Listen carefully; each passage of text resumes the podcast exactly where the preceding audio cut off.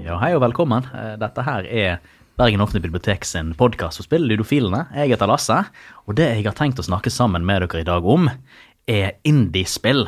Og det er så klart en stor sjanger, men også så klart en finansieringsmodell for spill, men det skal vi ta og gå inn i på litt etter hvert.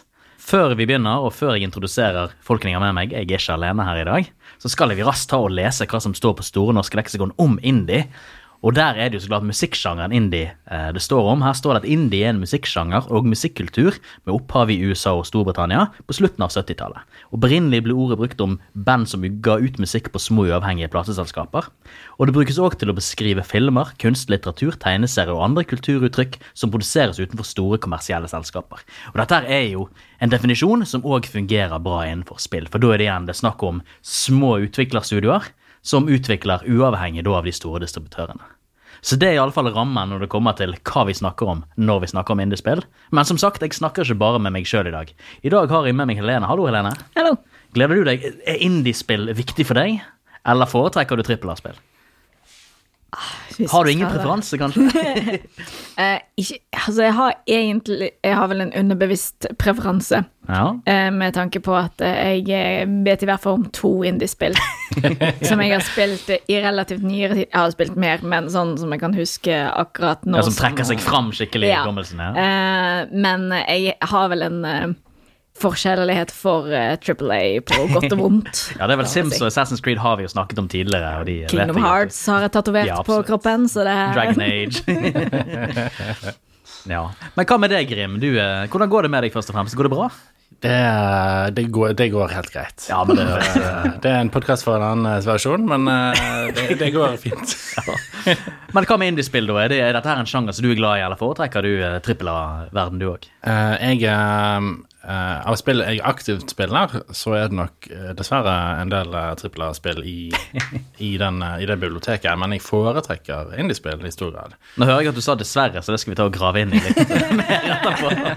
Det skal bli en psykologtime. Ja, det, kanskje vi kommer inn på det, disse problemene mine. Men eh, nei, det er Jeg liker eh, Det som jeg syns er gøy med indiespill, er jo det at eh, jeg, jeg har et inntrykk av at det er der sånne eh, sjangersprengende ideer eh, kommer fram. da. For at eh, jeg ser for meg et trippel A-spill eller sånn ah, Vi kan ikke ta sjansen på noe sånt. Vi må ha Safe, vi må ha Call of Duty, vi må ha Fifa.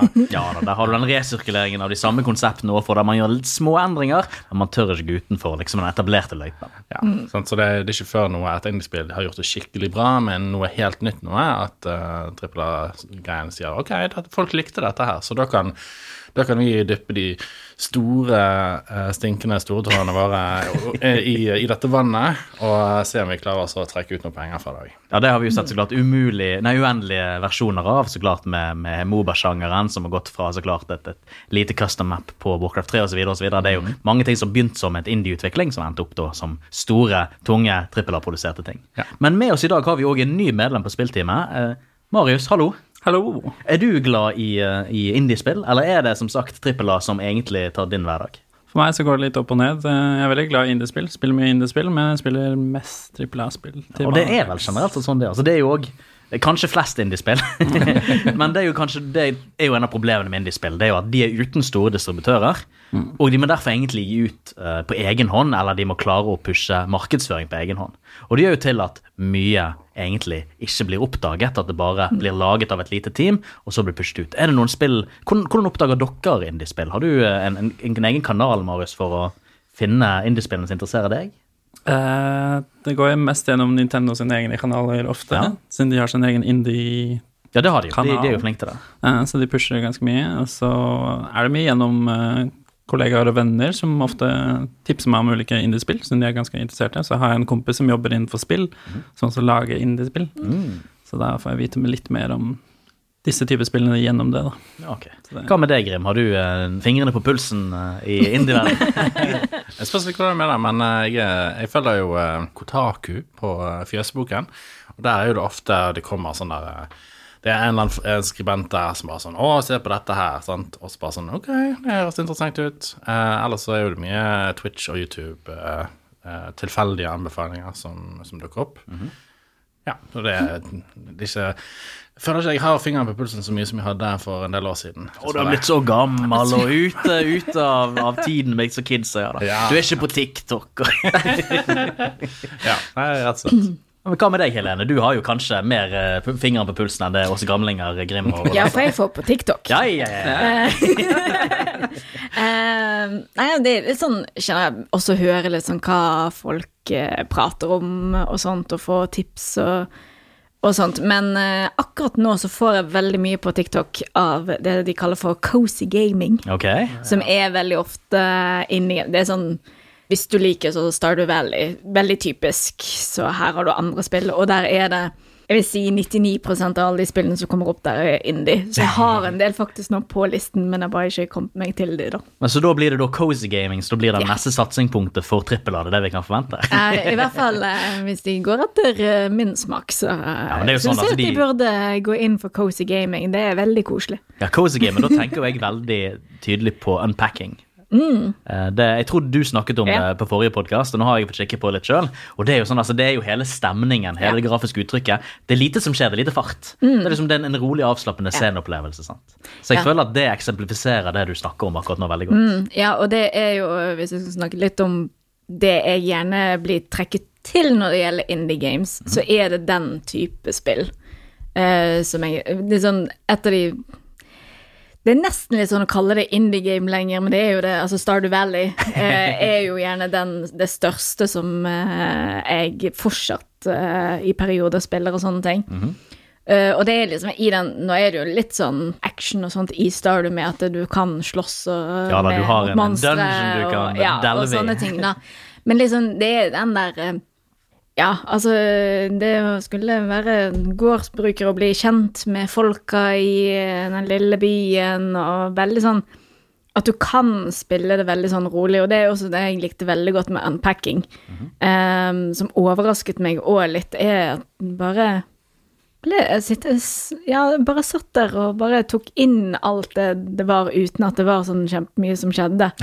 Eh, og det er gjerne liksom det der med at eh, Som jeg også syns er veldig fint med indie-utviklere, er jo at de kan gjøre sånne ting. Du ser ikke Ubisoft komme med en eh, unpacking. Ikke ennå. ikke ennå, men det er litt sånn at de skal gå fra å gjøre Assassin's Creed og sånn til å gjøre et sånt type spill. Men når du er inni at du kan Og du kan trekke litt sånn Gå litt over eh, det som er litt sånn eh, Man aksepterer å gjøre litt om på eh, ting, da, og teste ut, og Jeg føler som spiller òg, så får du oppleve veldig mye mer.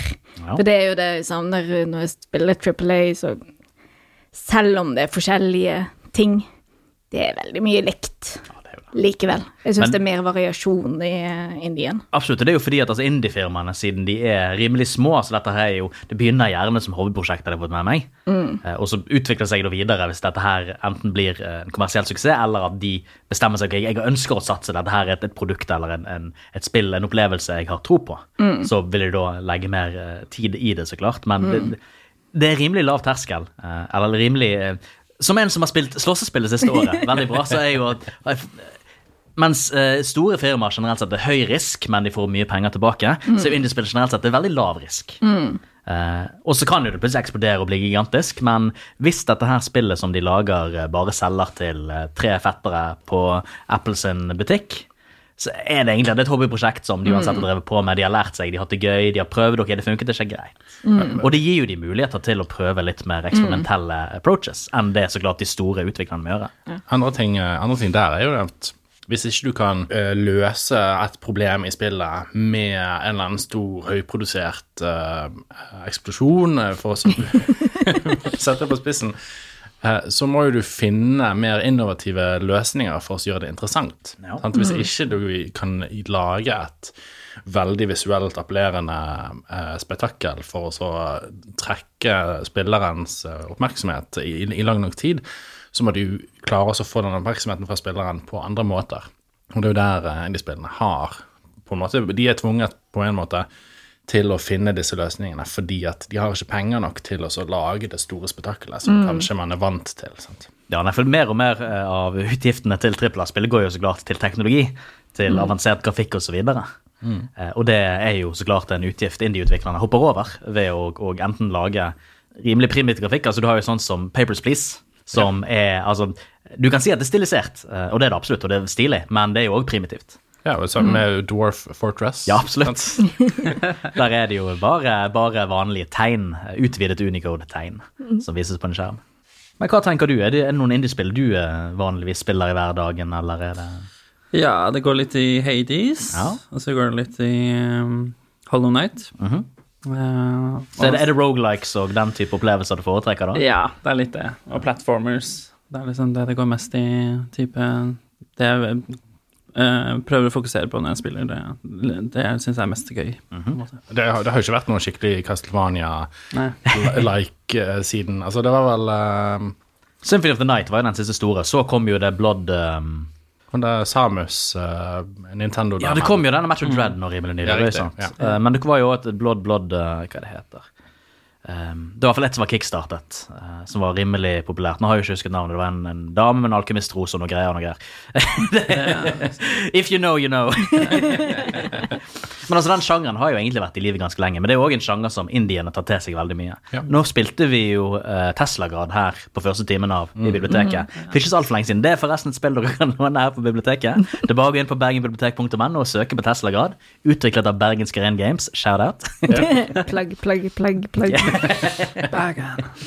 Men ja, for altså, det er jo også en, en sjanger som, som er blitt tatt til seg veldig mye av, av indiespill, virker det som. For det er jo en sjanger da, som resonnerer veldig mange og kan lages med rimelig smale ressurser, virker det som. Ja, du kan resirkulere en god del områder. Sant? Denne, alle kjenner vel til nå at uh, i Castlevania, så um, når du hadde rundet spillet, så fikk du tilgang til et helt nytt kart. Men de hadde bare snudd kartet på Ja. hodet. eh, i rent sånn spillmekanisk. Så ja, det var en fin måte å bare gjøre om på Bruke det samme som du har, men uh, du har speilet det, og da ser det annerledes ut. Ja, og det er jo det som er veldig fint med, altså, med, med de um, uh, Metroidvaniansene, er en av det at de bruker samme område på nytt. Ikke nødvendigvis bare med å speile, sånn som du nevnet nå, men det er som at du bruker de samme områdene, men hva utstyr du har, gir deg tilgang til forskjellige deler av det og gjør at du kan gjøre nye ting i det. Så det blir jo til at altså, når det kommer til map-building i sånne spill, så lager du liksom altså Du må jo så klart designe disse områdene og planlegge hvordan det skal brukes, men uh, allikevel er det bare ett område som man besøker flere ganger, og det betyr at altså, man trenger ikke lage nye world spaces hele tiden. Ja, og det er litt sånn jeg merker i forhold til indie games mot uh. Eh, det er jo noen Triple A-spill som er notorisk for å gjenbruke. Eh, eksempel Dungeons og sånne ting. Ja. Eh, ser på Skyrim, Dragon Age 2 eh, vel Og disse men- bitene har jeg sett før Ja. 90 ganger i dag. Ja. Eh, men med indie så skjønner jeg det, og jeg aksepterer det på en måte. Og jeg eh, altså, setter pris på at de prøver å gi mest mulig innhold. Triple A Games, det er ingen unnskyldning. Litt sånn, selvfølgelig å bruke om litt sånn, men føler at der de, de burde i hvert fall ha ressurs til å Ja, de har jo gjøre eksponentielt mye flere ressurser, mye mer personell som kan drive på med ting. Mm. Så du burde jo ha en høyere forventning til trippel-A-utviklerne. Og det, det er jo kanskje en fordel for indie-utvikling, eller Mm. for indie-spill. Altså man, man kommer kanskje inn med en litt lavere forventning. Ja, og det, og, det, og det er ikke negativt fra min side at jeg gjerne kommer inn med litt lavere forventning. Uh, det er ikke sånn at jeg forventer veldig lite Altså sånn, men uh, jeg setter gjerne ikke altså terskelen så høyt for gjenbruk av ting, og gjerne hvor langt eller hvor kort, for det er jo eh, noe som gjenspeiler en del av de Triple A-spillene jeg spiller, er at de er ganske lange spill. Jeg vil ha spill som kan Du kan fullføre historien på eh, si 20 timer, men du kan også spille i all evighet. Det er det jeg forventer deg. Det er jo ikke en forventning jeg har til nødvendigvis til indie games, som er egentlig bare til deres fordel. Ikke noe sånn negativt, det er bare sånn at uh, ja, du, du det- tenker at det er liksom mer bite-sized opplevelse? ja, altså det er jo det jeg går ikke inn der og forventer. Der er, for det er jo der Stardew Valley uh, snudde verden min opp ned. jeg vet ikke hvor mange hundre Ja, timer nei, det er jo, jeg det er jo et har i Stardew Valley. som med Minecraft, som også er et Ja. annet indiespill. Man Ja. tenker kanskje ikke på Minecraft som et indiespill nå, men det begynte, jo det. som, ja, det begynte jo som en enkeltmannsutvikling av Ja. ett spill som han gjorde på fritiden, og så har det bare eksplodert. Ja. Og det er en sånn, et spill du kan spille med i evighet, så det er jo igjen Du kan kalle det bite-sized, men det kan ta veldig mange hundre timer. Men når jeg tenker litt etterpå det du sa, så du sa liksom at, at man har kanskje lavere forventninger til indiespill. Jeg tenker egentlig faktisk det er omvendt. For når jeg spiller indiespill, så må det enten altså det må, det må hovedpremisset og hvordan man spiller gameplay, hvordan gameplay-loopen fungerer, må treffe meg. Ellers har jeg veldig lav terskel for å legge det fra meg. Men har jeg kjøpt et trippel A-spill, så føler jeg meg forpliktet til å bruke en del timer, for dette her er et dyrt spill. da er det kanskje litt sånn sunken cost felles ute og går her. Men jeg merker sånn som, sånn som, eh, sånn som med, med Assassin's Creed og sånn. Hvis jeg har kjøpt Assassin's Creed, så føler jeg ok, jeg, jeg kan ikke bare gi meg fordi introen eller første par timene ikke fenget meg. Jeg må gi det mer tid. Men liksom, spiller jeg et indiespill, har brukt kanskje en hundrings på det, og de første par timene ikke fengt meg, så er jeg whatever. Ja. Så kanskje det er noe omvendt der, altså. Men samtidig, da har jeg jo kjøpt spillet. Men hva med deg? Altså, hvis du begynner med indiespillene, Marius, har du, altså, er det en sånn hit or miss-greie for deg, eller eh, Ja. er du forpliktet til spill når du først har begynt med det? Det er mye hit and miss, og indiespill bruker jeg mindre tid på enn jeg gjør trippel A-spill. Ja. Så når jeg begynner et nytt indiespill, så kan jeg liksom sitte en halvtime det, og så blir jeg sånn Jeg er ikke så gira. så blir det bare en del av biblioteket, på en måte. Men trippel A-spill jeg føler det er litt det samme som du snakker om, at eh, du må bruke mer tid på det. Du liksom, når du har betalt 600-700-800 Ja. kroner, så er det litt sånn Jo, Det er litt teit å ikke eh, bruke mye tid på det da. ja. Ja, det, det er jeg jo helt enig i, eh, men jeg tenker at i forhold til indiespill Egentlig litt er det at jeg kjøper gjerne en del. Eh, ikke det at jeg nødvendigvis har fullført de, eller spilt de så mye, Nei. men eh, jeg har ikke så høy terskel for å Ja, men jeg kan prøve. Det blir heller det at Så det blir liksom for testet eh, litt, men mm. ja, det, det er veldig få av de jeg har spilt veldig mye av og fullført. Dessverre, vil jeg jo si. Men fullføring av spill snakker vi ikke om her. Nei, det, det gjør vi ikke. Nei, Vi hadde vel en podkast om det på et eller annet tidspunkt. Ja. Eh, Det er, noe, det er noe vi kommer gjennom til når vi kommer til skjærselden, vet du. Da, eh, da, får du. da blir du møtt med biblioteket. ja. Da er det hver eneste bok du ikke har lest ferdig, hver eneste musikkplate du ikke har egentlig hørt skikkelig godt gjennom, og så klart hvert eneste spill i Steam-biblioteket ditt som du ikke har spilt ferdig. Ja, vi, vi har begynt med spørreskjema når du leverer inn spill. oh, ja. Og hvis du ikke klarer å svare da de fem spørsmålene korrekt, så blir det 30 kroner purring med en gang. Ja, rett og slett. Men ja, eh, skal vi se. Grim, du spiller jo uh, gjerne Tekken. Er det noen indie-fightespill du liker å spille? Uh, ja, for så vidt. Er det mye av fightespill på indie-fronten i det hele tatt? Det er faktisk en del. eh, og på disse fighting game-turneringene så er det veldig ofte side games, og der er det veldig ofte at det er forskjellige typer uh, indiespill. da. Det er jo det der My Little Pony uh, um, yeah, Them's Fighting Herds, ja. Ja, Them's Fighting Herds. Uh, så det er Fantasy Strike. Uh, du har um, Det er jo noen sånne browserbaserte uh, slåssespill òg. Tough Love Arena. Ja, ja, Tough Love Arena, der har du den. Den, eh, den kan alle sammen eh, Den, skal, den funker på nesten alle maskiner i nesten alle formater, eh, som er egentlig ganske utrolig. Og det er online matchmaking og alt mulig der. Ja, ja, rollback og alt. Så det er litt sånn, det er helt crazy hvordan det der fun- funker. Dette er en verden jeg aldri har hørt om. Same. Det tenkte jeg òg for et år siden. Welcome to the dark side. Mitt største problem er jo gjerne at eh, når jeg først spiller, så blir det gjerne litt sånn terping på e-sportspill. Eh, ikke nødvendigvis veldig mye utforsking av, av nye, spennende historier. Da. Så eh, det er jo min største last.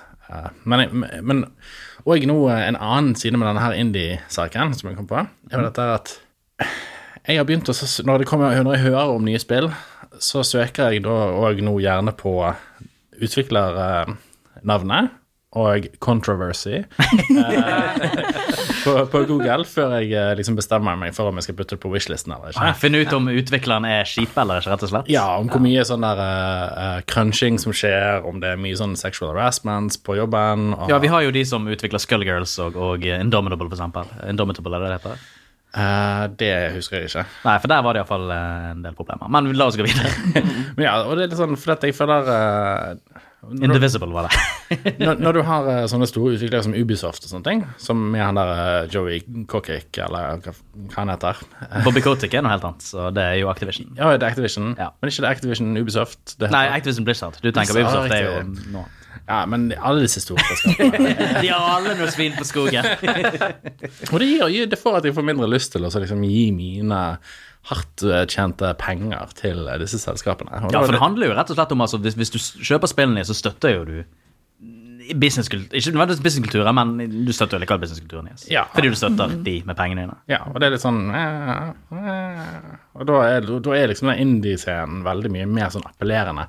Selv om man ikke skal eh, late som om at eh, det ikke finnes den slags i Indisene heller. Men eh, det er i hvert fall mindre sjanse for at et eh, team på to-tre stykker har en sånn type overveldende kultur av crunching og Jeg vil jo også håpe at altså, hvis sånne ting skjer, så er det større sjanse for at du kommer ut hvis det er få folk, men samtidig så er det jo mye mørketall her. sant? Altså, Hvis du er i et lite team, så vil du ikke fokke eh, ødelegge alt sammen der for å, å eh, eller Selv om det trengs eller ikke, så vil du kanskje likevel verdsette deres samlede innsats ja. over dine egne problemer. Og det er jo så klart veldig trist, men det er jo òg en realitet i virkeligheten. Ja, ja.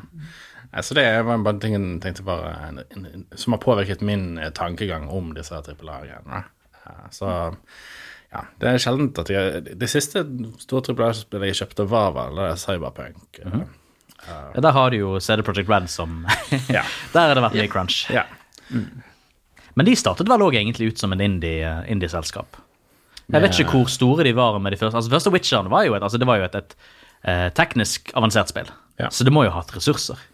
Men jeg, altså, nå vet jeg ikke hva de gjorde, hva CD Project Red gjorde før de lagde Witcher. Men var ikke det var ikke det òg finansiert av den polske Det kan godt hende, men sånn er det òg i Norge. altså Ja, det tror jeg at likevel, er det var eh, støtte fra staten uh, Ja. i Polen. For det, bøkene er jo skrevet av en eh, Ja, Polsk. Jeg husker ikke navnet på han. Sapkowski. Sapkowski, ok. ja. Så, og når du, Har du lest de bøkene? Ja. ja ok, ok. Skriver han godt? Lever det opp til spillene? Eller er det litt sånn Eh, Det er veldig liksom farget av at det er skrevet på 80-tallet. Mye dårlig kvinnesyn. Og, Ja, det- Du vet. en, eh, en hvit, eh, hvit mann på 80-tallet skriver bøker om eh, ja. hvite menn i en fantasiverden på 80-tallet? det er en greie.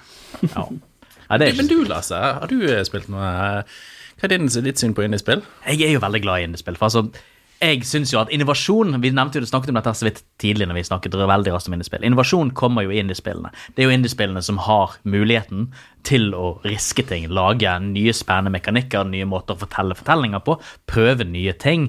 Ikke legge alle budsjettene sine i flere hundre millioner dollar eh, grafisk utvikling og, og fantastiske cutscenes, men heller liksom da komme til grunnessensen av spillet. Og, og Derfor er jo jeg veldig veldig glad i indiespill, fordi som sagt, det er der innovasjonen kommer. Og så kommer jo så klart de store firmaene etterpå og stjeler det som har fungert godt. Eh, det er jo litt kjipt at de klarer da å, å monetisere andre folks ideer, men det er jo sånn det fungerer i, i dette pengesamfunnet vi har. Ja, absolutt. Men av, av spill som har vært eh, på indiefronten som jeg er veldig glad i, er det jo Outer Wilds. Oh, ja. Eh, Som er et, altså Det er egentlig en utforskningsfortelling der du er et lite romvesen på en liten, koselig planet. Og så er du en del av deres, eh, deres lille, koselige romutforskningsgjeng. Så skal du opp i en sånn liten, veldig sånn hjemmebygd liten romrakett eller rom, romdrone, og skal du utforske dette her solsystemet og finne ut, at, finne ut av ja, hva skjedde med de romvesenene som var her for mange tusen år siden, og, og, hva er det med de mysteriene på de her planetene? Og så er det jo så klart mye mye rart som skjer, og veldig veldig god, interessant historiefortelling. Og dette her er jo noe som man sikkert kunne gjort som en trippel A-utvikler, men liksom hele konseptet er allerede såpass altså, far out at de ville tenkt at ok, skal dette her fungere bra, så må vi treffe et publikum på så og så mange millioner fordi vi må treffe tilbake så og så mye penger. Og dette vil være for smalt for oss, vi kan ikke gjøre det. Men siden dette her er utviklet av et, et indie-studio, de ikke nødvendigvis har så høye eh, utviklingskostnader, kan godt hende at altså, den nasjonale støtten eller annen støtte de har søkt, dekker det, så får de muligheten til å forsøke disse prosjektene. Og så har det vært, Når jeg har spilt dette spillet, har dette vært en virkelig stor opplevelse. Det betyr ikke at den store opplevelsen er noe som veldig mange andre har delt eller har tatt del av. Eh, Så det blir også kanskje en mer personlig opplevelse. Alle har spilt Assassin's Creed. Alle vet hva som skjer i Assassin's Creed. Da er det ikke så veldig spennende. eh, Og, og, du- altså, det blir ikke en så personlig. Du internaliserer, internaliserer ikke det som noe som er viktig for deg, selv om det kan være gøy osv. Det er liksom noe som, det er en felleskultur. Men dette her blir jo noe mer personlig. Hva var det du skulle si der? Nei, Har du spilt, eh, Marius? Har du spilt Outer Wilds? Ja, jeg Ja. spilte ganske Ja, Hva syns du om det? Jeg hadde en ganske stor spillopplevelse selv med det, og det jeg likte jeg veldig godt. Eh, Har du spilt DLC-en som kom? Uh, nei. Whispers of the Eye, eller hva det var? Ja. Okay, ok, ok, ok. Nei, det har jeg kun sett på strøm, så jeg har ikke spilt det. Men så klart er det mer av det samme, så må jo det være bra. Ja, ja, ja. For grunnprinsippet er jo kjempekult. ja, jeg trives veldig godt med det spillet. Men så har du jo også klart altså, de politiske Alle spill har jo mulighet til å være politisk. Jeg vil si at de fleste spill er politisk, selv om de store firmaene sier nei, dette er ikke politisk. Eh, Det i seg selv er politikk. Eh, Men så har du så klart også spillene som eh, veldig direkte presenterer politikk, sånn som med Papers, Please, som jeg nevnte tidlig, der du er en sånn der du er, du er, du er en sånn grensevakt i Atroska som er en sånn totalitær østblokknasjon et eller annet sted, der du da må balansere dine og din families behov framfor eh, å følge da statens ønsker på hvordan du som sikkerhetsvakt eller grensevakt skal fungere. Og så går jo så klart ting rimelig gale etter hvert, uansett hva du velger, men gale på forskjellige måter. Og det, altså, det, viser veldig godt liksom, disse dilemmaene en person i en sånn situasjon ville vært i. Nå er jo ikke dette så klart en direkte eh, sammenligning med virkeligheten, men det er noe man kan se for seg kan ha skjedd i sånne der litt sånn ha- ganske korrupte østblokkland. Eh, veldig stereotyp framstilling og, og snakking her, så klart. Men igjen, som sagt, det, det er jo en som forteller. Så er det sånn som Ma- War of Mind, This War of Mind og den type ting, som presenterer den veldig realistiske problemstillingen man hadde da i under etterkrigstiden. sant? Hvor, hvor man blir tvunget til å være en loter, hvor man må gjøre vanskelige valg eh, i forhold til sine egne venner, forhold til folk rundt seg som egentlig er som deg, men de er òg desperate. Og det er jo altså, denne type problem, eller denne type fortellinger er jo sånt som er utrolig vanskelig for trippel A-utviklerne å kunne fortelle. Fordi eh, de, vil, de, de ønsker å, å tiltrekke seg et mye videre publikum. Ja. Ja, de Og det må- betyr jo at de må ha en veldig nøytral beskjed. Ja, de er nødt til å få solgt spillene sine i disse autoritære landene. Ja, ja, ja, ja, ja. Hvis, de, hvis de eh, sier at uh, dette landet har ikke krav på dette territoriet, så plutselig kanskje de selger den i dette landet, og der er det mange millioner gode eh, kjøpere. Det er litt sånn morsomt når Var ikke det det nyeste Call of Duty-spillet som handler liksom om moderne krig, og så er liksom ja, nei, dette er ikke et politisk uh, spill. Bare sånn, ok, Du lager et krigsspill som ikke har noen ting med politikk å gjøre. Ja, nei, krig er ikke politisk, det. Altså, herregud.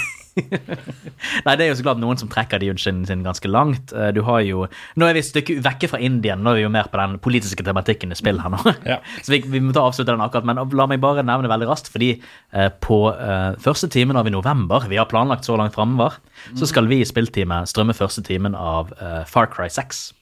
Og Far Cry 6 det er jo sittet på en øy som er under en revolusjon, og det er Havanna-gitarer og litt sånn eh, sørtropisk stemning der, men dette her er ikke Cuba. Og dette her er ikke noen direkte Dette er ikke noen sammenhenger med den cubanske revolusjonen, så dere må ikke tenke at dette her har noen eh, direkte assosiasjoner til virkeligheten. Dette her, så klart, det, det handler om en politisk situasjon, men det er ikke politisk.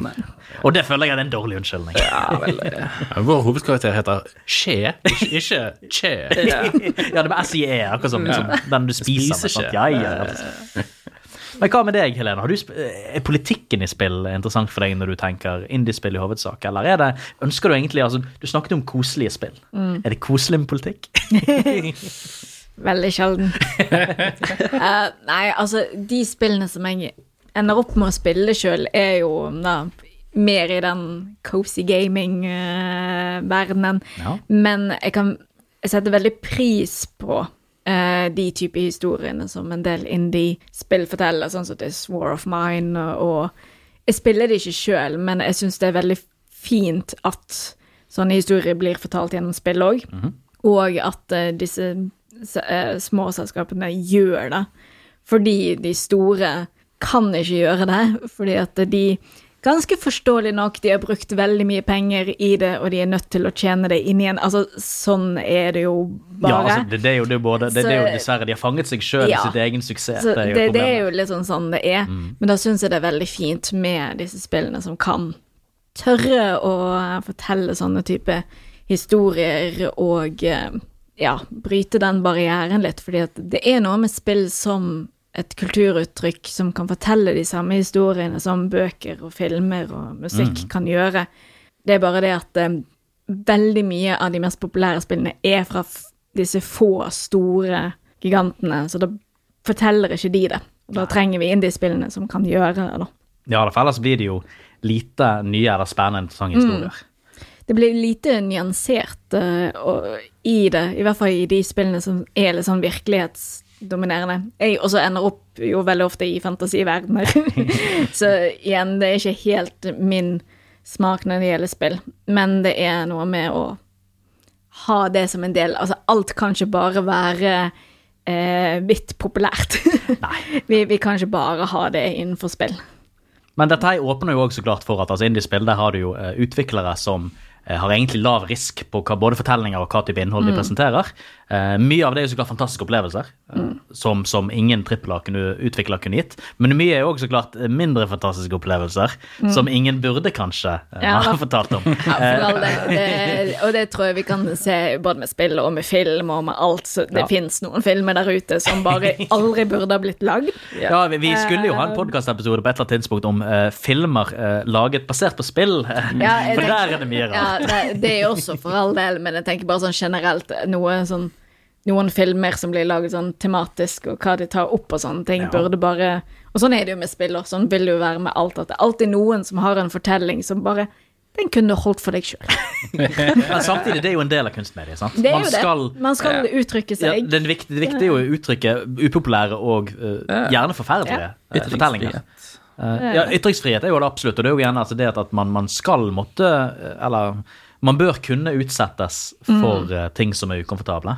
Ja. Eh, fordi det, det- er jo en del av helhetsopplevelsen. Ja, for det er jo det som er fint med at det er mulig, og det er jo en del av eh, plattformer hvor du kan kjøpe spill som legger veldig til rette for disse indiespillene og sånt, at folk skal få få alt inn, at du ikke bare er disse trippel A-spillene som du blir eh, eksponert for, fordi at man skal få kunne oppleve alt av dette uttrykket og høre hva andre mener og ja. Og jeg tenker, altså det er jo viktig for at hvis du bare konsumerer det samme hele tiden, så blir du litt kjedelig. blir Det blir veldig kjedelig. Det blir veldig kjedelig. Det blir eh, Ja, det, det er da man kan snakke om at ting blir veldig passivt. Ja. Eh, det er noe jeg, jeg er i hvert fall veldig på at man bør alltid utfordre litt seg sjøl. Om det er spill eller film eller eh, hva. ja. Prøve noe nytt. Og da er det jo gjerne, i hvert fall i spillverdenen føler jeg, da det er ofte et indiespill som eh, gjerne bryter den eh, vanen av hvert fall sånn som meg, samme spillene om og om igjen. Må bryte det innimellom. Da Ja. er det gjerne et indiespill. Man prøver noe nytt. Men nå begynner vi egentlig å nærme oss slutten på episoden, men jeg tenker vi tar en liten runde her. Hvis dere skulle anbefalt et indiespill som dere spiller mye for tiden nå, på sånn cirka ett minutt, hvordan ville dere solgt det? Vi tar og begynner med deg, Marius. Eh, det er et nytt spill som jeg har begynt å spille, som heter Cult of the Lamb. Okay. Jeg vet ikke om det Jeg tror det er indie, i hvert fall. det virker veldig indie. Ja. Der du spiller en uh, sau som blir drept, uh, og så blir du resurrected og skal starte din egen satanistiske kult. Ja, ja, ja. Det er Som man gjør. light-aktig spill, der du går rundt i ulike rom, og så dreper du liksom de som er imot din satanistiske kult. Og så, når du dreper de, så blir de en del av din kult. Og så kan du gi dem nytt utseende, du kan lage en, et tempel, du kan eh, utføre satanistiske ritualer. Det er eh, absolutt å anbefale. Ja, det er en veldig koselig opplevelse. Sykt eh, kult eh, soundtrack. Ja, hvis det ikke er indie, så har jeg et spørsmål. Ja, for det er jo igjen, det, det, det, det er så mange indie-tags som ga av med en gang der. Så ja, det er absolutt å anbefale. Men hva med deg, Grim? Har du noen indie-hots du vil anbefale? Um, det som jeg har spilt mest i det siste, er Vampire uh, Survivor. Vampire Survivors, ja, ja, ja. Som er min, uh, min favoritt. Uh, Day9 kalte det Det er ikke et Bullet Hell-spill, det er et uh, Bullet Paradise-spill. der, uh, der er det du som Du er kulene. ja, du, du, du plukker opp masse sånne oppgraderinger, og så er det sånne automatisk eh, Ja, det, er- relativt lite sånn fingernemhet eh, som er krevende i det spillet. Du må bare bevege karakteren din, og karakteren din automatisk skyter og, og dreper monstre og sånne ting. Det er vel en sånn spirituell eh, inspirasjon der fra Castlevania. Eh, så du spiller litt som de samme karakterene, men det er et top down, isometrisk eh, sak med massevis av monstre som kommer i store bølger hele, hele veien. da. Og så bare obliterater du alle disse monstrene med disse eh, våpenkombinasjoner som du ender opp med. Yes, Men hva med deg, Helene? Har du et indiespill du gjerne vil at andre skal ta til seg? Uh, vi har jo vært inne på det, men Unpacking Ja. Ja. er et uh, bare et fantastisk spill. Uh, hele spillet er egentlig at du, du, du er jo da liksom en person, og du går igjennom eh, litt av livet til denne personen. Så du begynner vel i 1997 på barnerommet ditt, og skal pakke ut. Har flyttet, og du skal pakke ut og dekorere rommet. Og så eh, er det noen år seinere, og du har begynt på universitet eller på eh, høyskole eller noe sånt, og du skal pakke ut igjen. Så det er egentlig bare det at du flytter, og så pakker du ut. Men for hvert gang du flytter, så har jo mye skjedd i livet til denne personen, som du da begynner å oppdage ut ifra når du pakker ut, på hva ting som Hva er nytt i eskene? Har han flyttet sammen med noen? Eh, er jo aleine igjen? Og litt sånn type ting. Så du opplever livet til denne personen gjennom tingene eh, til personen. Og at du skal eh, pakke det ut og plassere det eh, der hvor det hører til, da. Ja, dette er jo en overraskende narrativ opplevelse Ja. for å være egentlig bare en sånn veldig koselig sceneopplevelse. Ja, det, altså, du tenker liksom For det var tanken min når jeg gikk inn i dette. Ok, dette blir sånn der bare eh, Noe å gjøre, liksom. Det er jo liksom fint med noen sånne spill hvor du bare sånn får gjøre et eller annet, så kan jeg trive og gjøre det. Og synes det, det er jo litt sånn gøyt med sånn, Jeg spiller jo en del Sims, jeg syns det er gøyt å dekorere og sånn. Altså, det er veldig, tilfreds, det er veldig tilfredsstillende, rett og Eh, slett. ja, det er jo noe med det. Men jeg ble så overrasket over historien. At du blir engasjert i denne personen som du driver og pakker ut, og sånn begynner å Å ja, har det skjedd nå? Og nå må noe ha skjedd her? Og ja, gå igjennom livet til en person. Utrolig fin opplevelse, og anbefaler veldig. Uh, jeg tror den heter Switch og til PC. Ja. Han finnes òg på Xbox. Xbox også, ja. Jeg har i hvert spilt det på Switch. Veldig fint spill til å ha på Switch, det må jeg si. Ja, nei, For egen del jeg skal også komme en liten anbefaling nå helt på tampen. Og Det er et spill som jeg har kommet tilbake til en del ganger over årene. og Det heter Battle Brothers. Og Det er nok ikke nødvendigvis for det politiske innholdet eller eh, den gode historiefortellingen. Dette er bare en, en, en, en strategisimulering der du er da eh, en, en, leiesoldatkaptein som da skal reise rundt med disse leiesoldatene som du rekrutterer fra vanlige bondetamper i landsbyer, som så klart er gjerne ikke eh, mors beste barn, og de er heller ikke krigerens beste kriger. Eh, men så reiser du rundt her og da tar eh, rare oppdrag. Du skal kanskje ta og, kanskje ta og redde noen fra noen banditter, eller du skal jage på mystiske monstre, eller kanskje du skal ta og terrorisere bøndene.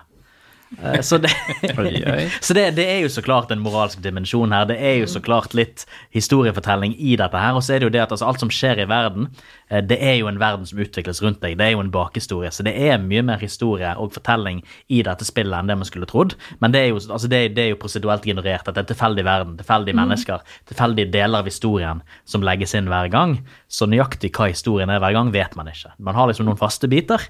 Men igjen, som sagt, historien er ikke det viktige. Det er det som å gå rundt med det der kompaniet sitt.